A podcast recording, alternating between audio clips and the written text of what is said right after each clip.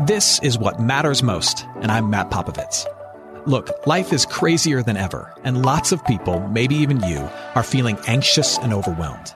Today's message is designed to help you figure out what's most important and to experience the peace and joy that God intends for you. Because life is a gift, and it shouldn't be wasted on worry. I'd like to give you a resource, something to help you navigate the road ahead. Just go to mattpopovits.com, click on the icon, and we'll send it to you. That's Matt, P-O-P-O-V-I-T-S dot com. And hey, if you happen to live in the Houston area, I'd love to see you on a Sunday morning at St. Mark in Spring Branch. Head to stmarkhouston.org to plan your visit. Here's today's message. Thanks for listening. At this stage in this series called The Seven Last Words, where we're looking at the seven final phrases of Jesus before he died on the cross, we find Jesus in this particular phrase being utterly responsible. Um, it's, a, it's a pretty almost mundane passage where we see him taking care of his mother and taking care of his friend so seemingly mundane that oftentimes when, when other preachers will, will talk about these last words, it's often for them to skip over this phrase altogether. Because it, on the surface, it may not seem as profound and meaningful as some of the others that we've talked about. But what, what I would argue for you, and what we'll find out today, is that this particular phrase of Jesus as he passes on the cross um, teaches us something about the character of Jesus and the nature of his work as, as our Savior. It teaches us about the detail of God's love and it teaches us also about the connectedness that we share as followers of Jesus. So if you have a Bible, take it out and turn with me to John 19. If you don't have a Bible, but you have a smartphone, uh, you can open up our app or you can open up the Bible app, whatever it is, and go to John 19, starting at verse 23. We're going to rehash some of these words we've already read earlier in the worship service, but I kind of want to walk through them slowly and paint this picture. As you get there, let me start reading. I'll start reading at verse 23. You can catch up with me. Uh, when the soldiers had crucified Jesus, they took his garments and divided them into four parts. One part for each soldier, also his tunic. So they took everything that Jesus had, they ripped it up, and they kept mementos of it, which was common practice among the Roman soldiers.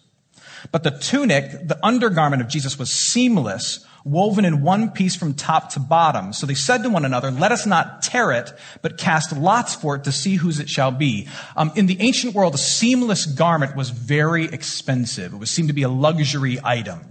And they didn't want to rip it apart and ruin its value, so instead they decided to gamble for it. All right, well, let's roll some dice and see which one of us gets to take this baby home. This was to fulfill the scripture which says, quote, they divided my garments among them, and for my clothing they cast lots. So the soldiers did these things. But standing by the cross of Jesus were his mother and his mother's sister, and then Mary, the wife of Clopas, and Mary Magdalene. So four women standing near. At this point, Jesus has been on the cross for some time. The soldiers have taken his clothes and his possessions and they, have stripped him naked. And Jesus now uh, quite literally has nothing. He's stripped naked. He's tacked to the cross and he is, he's in the mode of actively dying. And, and when you've been crucified, what history tells us is that the way you die is not from loss of blood or from, from traumatic injury. The way you die is through suffocation. Because as you are nailed to the cross, in order to breathe, with your feet tacked to the cross and your arms tacked to the cross, in order to breathe, you have to push up with your legs in order for your lungs to expand. And then your legs go down. But as you lose blood, as you grow weaker, it becomes more and more impossible for you to lift up your legs and to breathe. And so the mode of death is slow and painful and, and very obvious to the one who's underneath it. You're suffocating. And as Jesus suffocates on the cross, uh, around him are two groups of people. There's a, there's a curious crowd, the kind of people who like to slow down at a traffic accident and look. And then there's the Roman soldiers who are there doing their job. Uh, the disciples of Jesus, for the most part, and the fans of Jesus, he had quite a crowd that would follow him, are all scattered out of fear of, of themselves being associated with him and undergoing some kind of punishment. Except for a few, the only faithful people that remained near Jesus were his mother and kind of her circle of friends, three other ladies, and John, the disciple whom Jesus loved, his closest disciple. And it says here in, in, John's gospel, which John, who was standing there, writes down, he says that they were standing near the cross, but, but that Greek verb there for standing kind of carries with it a greater weight than just like, hey, we're standing.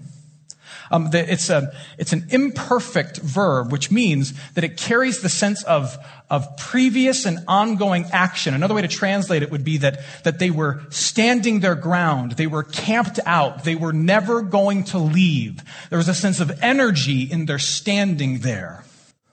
And then there's Mary, his mother, standing there.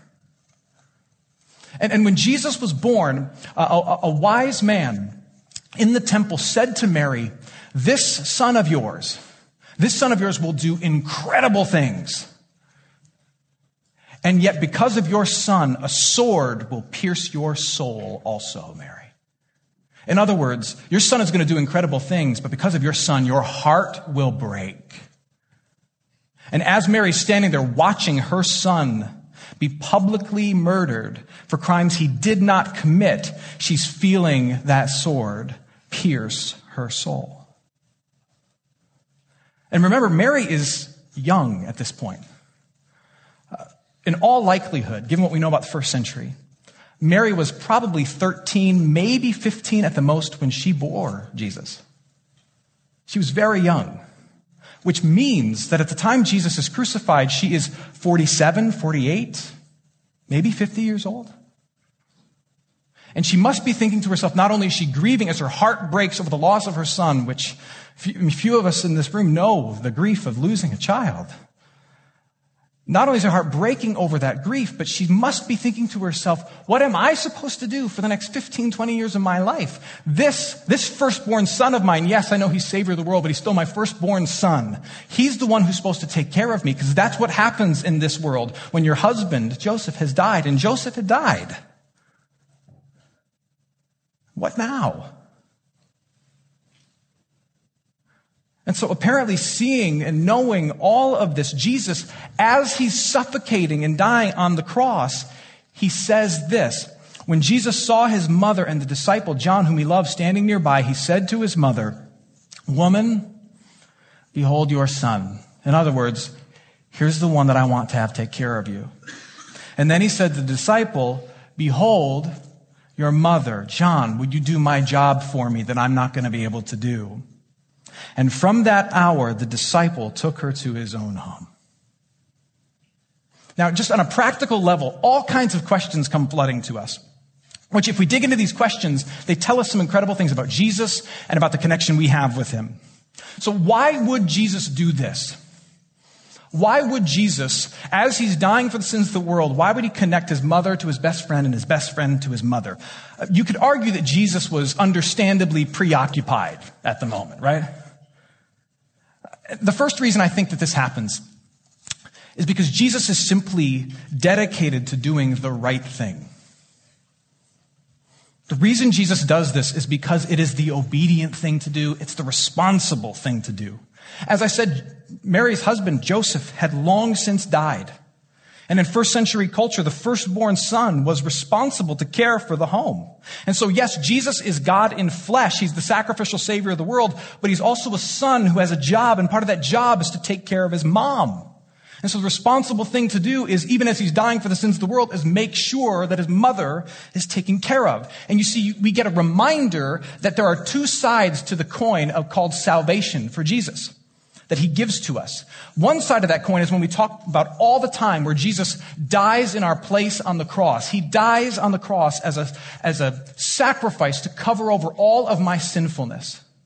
But the other side of that salvation coin is that Jesus is also living a life of perfect obedience and responsibility to replace my life of disobedience and irresponsibility. And this is simply a moment where Jesus is yet again being perfectly obedient, perfectly responsible to the very, very end. Jesus knew the words of this commandment. Uh, Exodus chapter 20, verse 12 says this Honor your father and what? Your mother. And very simply and very obviously put, Jesus, as he dies, is keeping this commandment. He's honoring his mother by making sure she's taken care of. And if you think about it, it offers quite a contrast to you and me, who I would argue we often see our suffering as an excuse to avoid responsibility. Jesus, Jesus, think about this. Just picture this. It's, it's, it's, it's not a pretty picture, but it's a beautiful one. Jesus is, Jesus is suffocating on the cross. It takes everything he has just to lift his legs so that his, his chest can lift up and he can breathe. And the first thing apparently that comes to his mind is to say, I am an obedient son, though I have every excuse. I will honor my mother. And he does this not just to prove a point, but he does this to give a gift to you and to me. Because what, what we believe as followers of Jesus is that his incredible obedience becomes my incredible obedience. Theologians call it the great exchange. On the cross, Jesus Christ got my punishment. I deserve to die for all the rebellion in my heart and in my mind and in my actual hands, right? I deserve to die for that, but Christ got my punishment. And what do I get in return? Through faith in him, I get his rightness, his goodness, his obedience. So by being ultimately and extremely obedient in his calling as a son, he's actually giving a gift to me. Because now, because I have faith in Jesus, because I'm connected to him, when God the Father looks at me, he doesn't see all the ways in which I've badmouthed my mom. Mom, not that I've ever badmouthed you. She's watching online. Not that I've ever badmouthed you. He doesn't see that. What does he see? He sees the lengths to which Christ has gone to honor his. And he accounts it as if I did that. So Christ pushes through the pain. He lifts his knees and he says, Mother, behold your son. Son, behold your mother. Because he's not just caring for his mother, he's giving a gift of perfect obedience that's going to be credited to my bank account. It's a gift to me. I hope you're enjoying today's message. For more of what matters most, you can head to mattpopovits.com. There you'll find other messages. You can support this ministry as well as access your free gift. Oh, and if you're looking for a local church and you live in Houston, come and see what's happening at St. Mark Houston. To plan your visit, head to stmarkhouston.org. Thanks for listening, and back to today's message. Another question that arises when we look at this is why entrust his mother to John? I, mean, I don't know if you knew this, but Jesus was not an only child. Yes, his, his mother was Mary and his, his father was God the Father, but, but he had several half brothers and half sisters. Mary had other children with Joseph. He had four brothers, James, Joseph, Simon, and Jude, and at least two sisters. So why would, why would Jesus not entrust his mother to one of them? Well, the first reason is, is, is probably pretty practical. We have every indication in history and then in the Gospels as well that John had, had the great means to take care of Mary. It was, it was not a small thing to add an extra person into your home to care for them in the ancient world. It's not a small thing now, and especially it was a very, very, very big thing back then. But the Gospels hint at the fact that John's family had done really well in the fishing business. For example, he was known as a businessman. We know this because when he goes to the high priest as Jesus is on trial, the high priest knows John, knows his family name, and gives John access to the trial that he denies to other people. So John has a reputation in town that is positive by the leaders. And also we know that John's parents were alive. John's, uh, Mary's sister Salome, John's mom, and John's father, Mary's brother-in-law, were alive and living with him. So John has money and means, and he also has Mary's relatives in his home. So, so on a practical level, it makes sense for, for Jesus to entrust Mary to John's family. But there's a bigger reason. Jesus has these half brothers and half sisters, but where were Mary's other children at this moment? As their mom is losing her firstborn son, where were they? They were gone presumably protecting themselves from trouble. And here's the truth not one of them believed in Jesus until after his resurrection. If you know the Gospels at all, you can go back to a moment that all of them record. Luke chapter 8 says this Jesus' mother and his brothers came to him one day. but they could not reach him because of the crowd. And Jesus was told, Your mother and your brothers are standing outside wanting to see you. But Jesus answered them, My mother and my brothers are those who hear the word of God and do it. And Jesus was teaching that there is a bond deeper than blood, a bond bigger than family. For Jesus, the bond was of those who hear the word of God and do it. And what does the word of God, Jesus say? Always pointing us to, to believe on Him, to trust in Him, to follow Him. Jesus is saying, the real members of my real family are those who by faith believe in who I am and follow me. That is a bond that in Jesus' eyes was deeper than blood. And if you're a skeptic, th- this may be something that, that you struggle to understand, the depth of this connection. Th- this is a community forged by a connection of people whose lives have been changed and are being changed by the person and work of Jesus Christ, who we believe to be everything. We believe that Jesus has, has taken us from death into life, a life that starts now and, and never, ever ends and that he is a king who lovingly leads us into what it means to, to walk in his creation and to live in his kingdom as people of love and mercy and forgiveness. He leads us every day and shows us what it means to be a member of his creation. And this, this life with Jesus, it shapes big things like, like how we view life and death, but it also shapes small things, like how we spend our time and how we see our jobs. Everyone else in this world you will share this world with. But those who you share Jesus with, you will share eternity with, and you share deeper core foundational values. There is a God out there who loves you and who wants to walk with you through life with other people who share the deeper identity. And the deeper identity is more than son or daughter, mother, father, colleague, or coworker. It is that of baptized, forgiven, follower of Jesus Christ. So, who do you think Jesus is going to entrust his mother to? Those who refused to believe in him and abandoned him despite the family connection? Or the one who stayed with him and who had a deeper bond, a life changing, eternity granting faith in him? That's who he entrusted his mother to. Now, now you can agree with all of that. And the last question that comes to mind is this. I, I hear you. It's a practical thing. Uh, there's a bond through faith that's deeper than family. Um, I understand all of that. Jesus is being perfectly obedient. But, but why now? Like, why this moment? Why, why, why figure out this situation of how to take care of his mom while he's dying for the sins of the world? Could Jesus have gotten his affairs in order earlier? Is this, is, is this is this a case of poor planning on Jesus' part? I mean, if you think about it, you can see it that way. You know, Jesus is dying on the cross and he's saying to John, John, I know I'm dying, but I got a huge favor to ask. Can my mom live with you? And from John's perspective, he's thinking, dude, like, you're putting me in the spot here, right? We just, like, we had dinner together the other night, that last supper we had. Like I was literally, I was leaning on you. A, a dude painted it. I can show you. Like, like that would have been the perfect moment for you to lay this on me, right?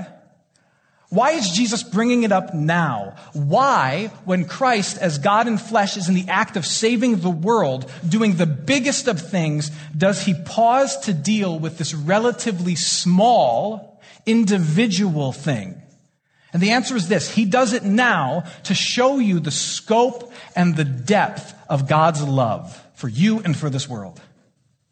That God is big enough and compassionate enough that as he's doing the big things of forgiving sins, he's also attentive to the little things in your life. If, if, if you've ever been in a relationship of love at all, you know that love is lived in the details. When you love someone, you're not only there for the big things, you are there for and you know a thousand little things. If you're a parent and you're there and you can say, well, I was there when you were born. I was there on uh, a handful of your birthdays and I went to all your big games, but I didn't see any time in between. I'm going to say you're not that very good of a parent, right? You're not that good of a parent. Because love as a parent and love in any regard is lived out in the little things. And I bring this up because if you've read the Gospels, you know that Jesus taught passionately about how the love of God is so big that it is small. The love of God is so real and so big that it is small. Let me give you an example of this. Luke 12, Jesus says, Are not five sparrows sold for two pennies? and not one of them is forgotten before God. Why, even the hairs of your head are numbered. It's a more difficult job for some of us than others. Why, even the hairs of your head are numbered. Fear not, for you are of more value than many sparrows. God loves the detail of your life. Likewise, if you love somebody, then no matter how trivial things in their life might seem to others, if they have something that's big to them, then it's big to you. When you love somebody, if something is big to them, then it becomes big to you. For example, um, I don't care about monsters under the bed, but it matters to my daughter. So guess who else it matters to? It matters to me. Why would Jesus take care of this in that moment? Why then? You want to know why? Because it mattered to Mary then. And he loved her and because it mattered to her, it mattered to him. That's how love works. All this to say, you may say to yourself, man, God is too busy right now finding planes in Malaysia and curing cancer of kids for me to give him my issue. Or, or, or, there are bigger things in this world than what I'm dealing with. So, so I need to keep my problem, my struggle, my concern to myself and deal with it here with me rather than give it to him. And to that I say, no. When someone loves you, if it matters to you, it matters to them. And so because he loves you, it matters to him, whatever it is. If it matters to you, it matters to him. God's love is so big that it cares about the small, the hairs on your head. And when you doubt that, think of Mary, whose, whose son, our God, while ensuring we would have an eternal home through his death, he ensured that a scared widow, his mom, would have an earthly home with his best friend.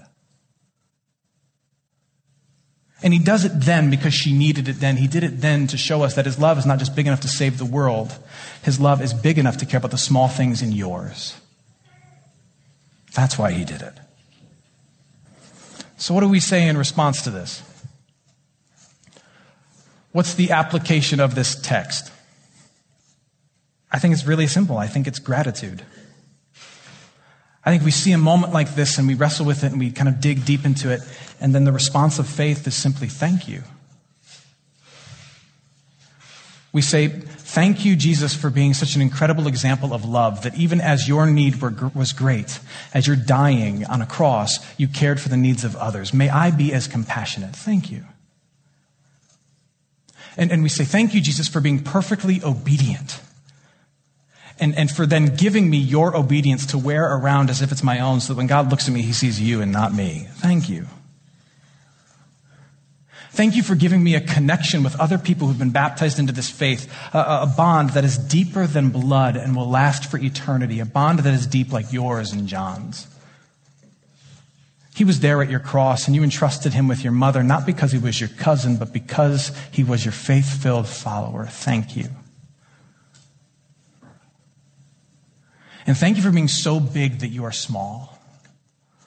Thank you for making your love so big that it overflows out of the big things and it runs into the small things, like the number of hairs on my head and the worries I have in my day. Thank you.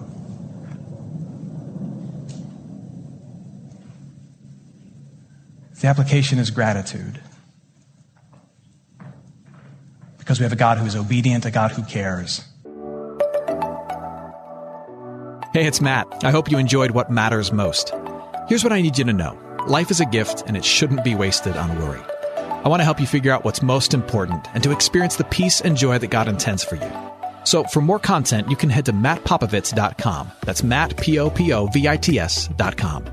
There you can also support this ministry as well as access your free resource, a little something to help you navigate the road ahead.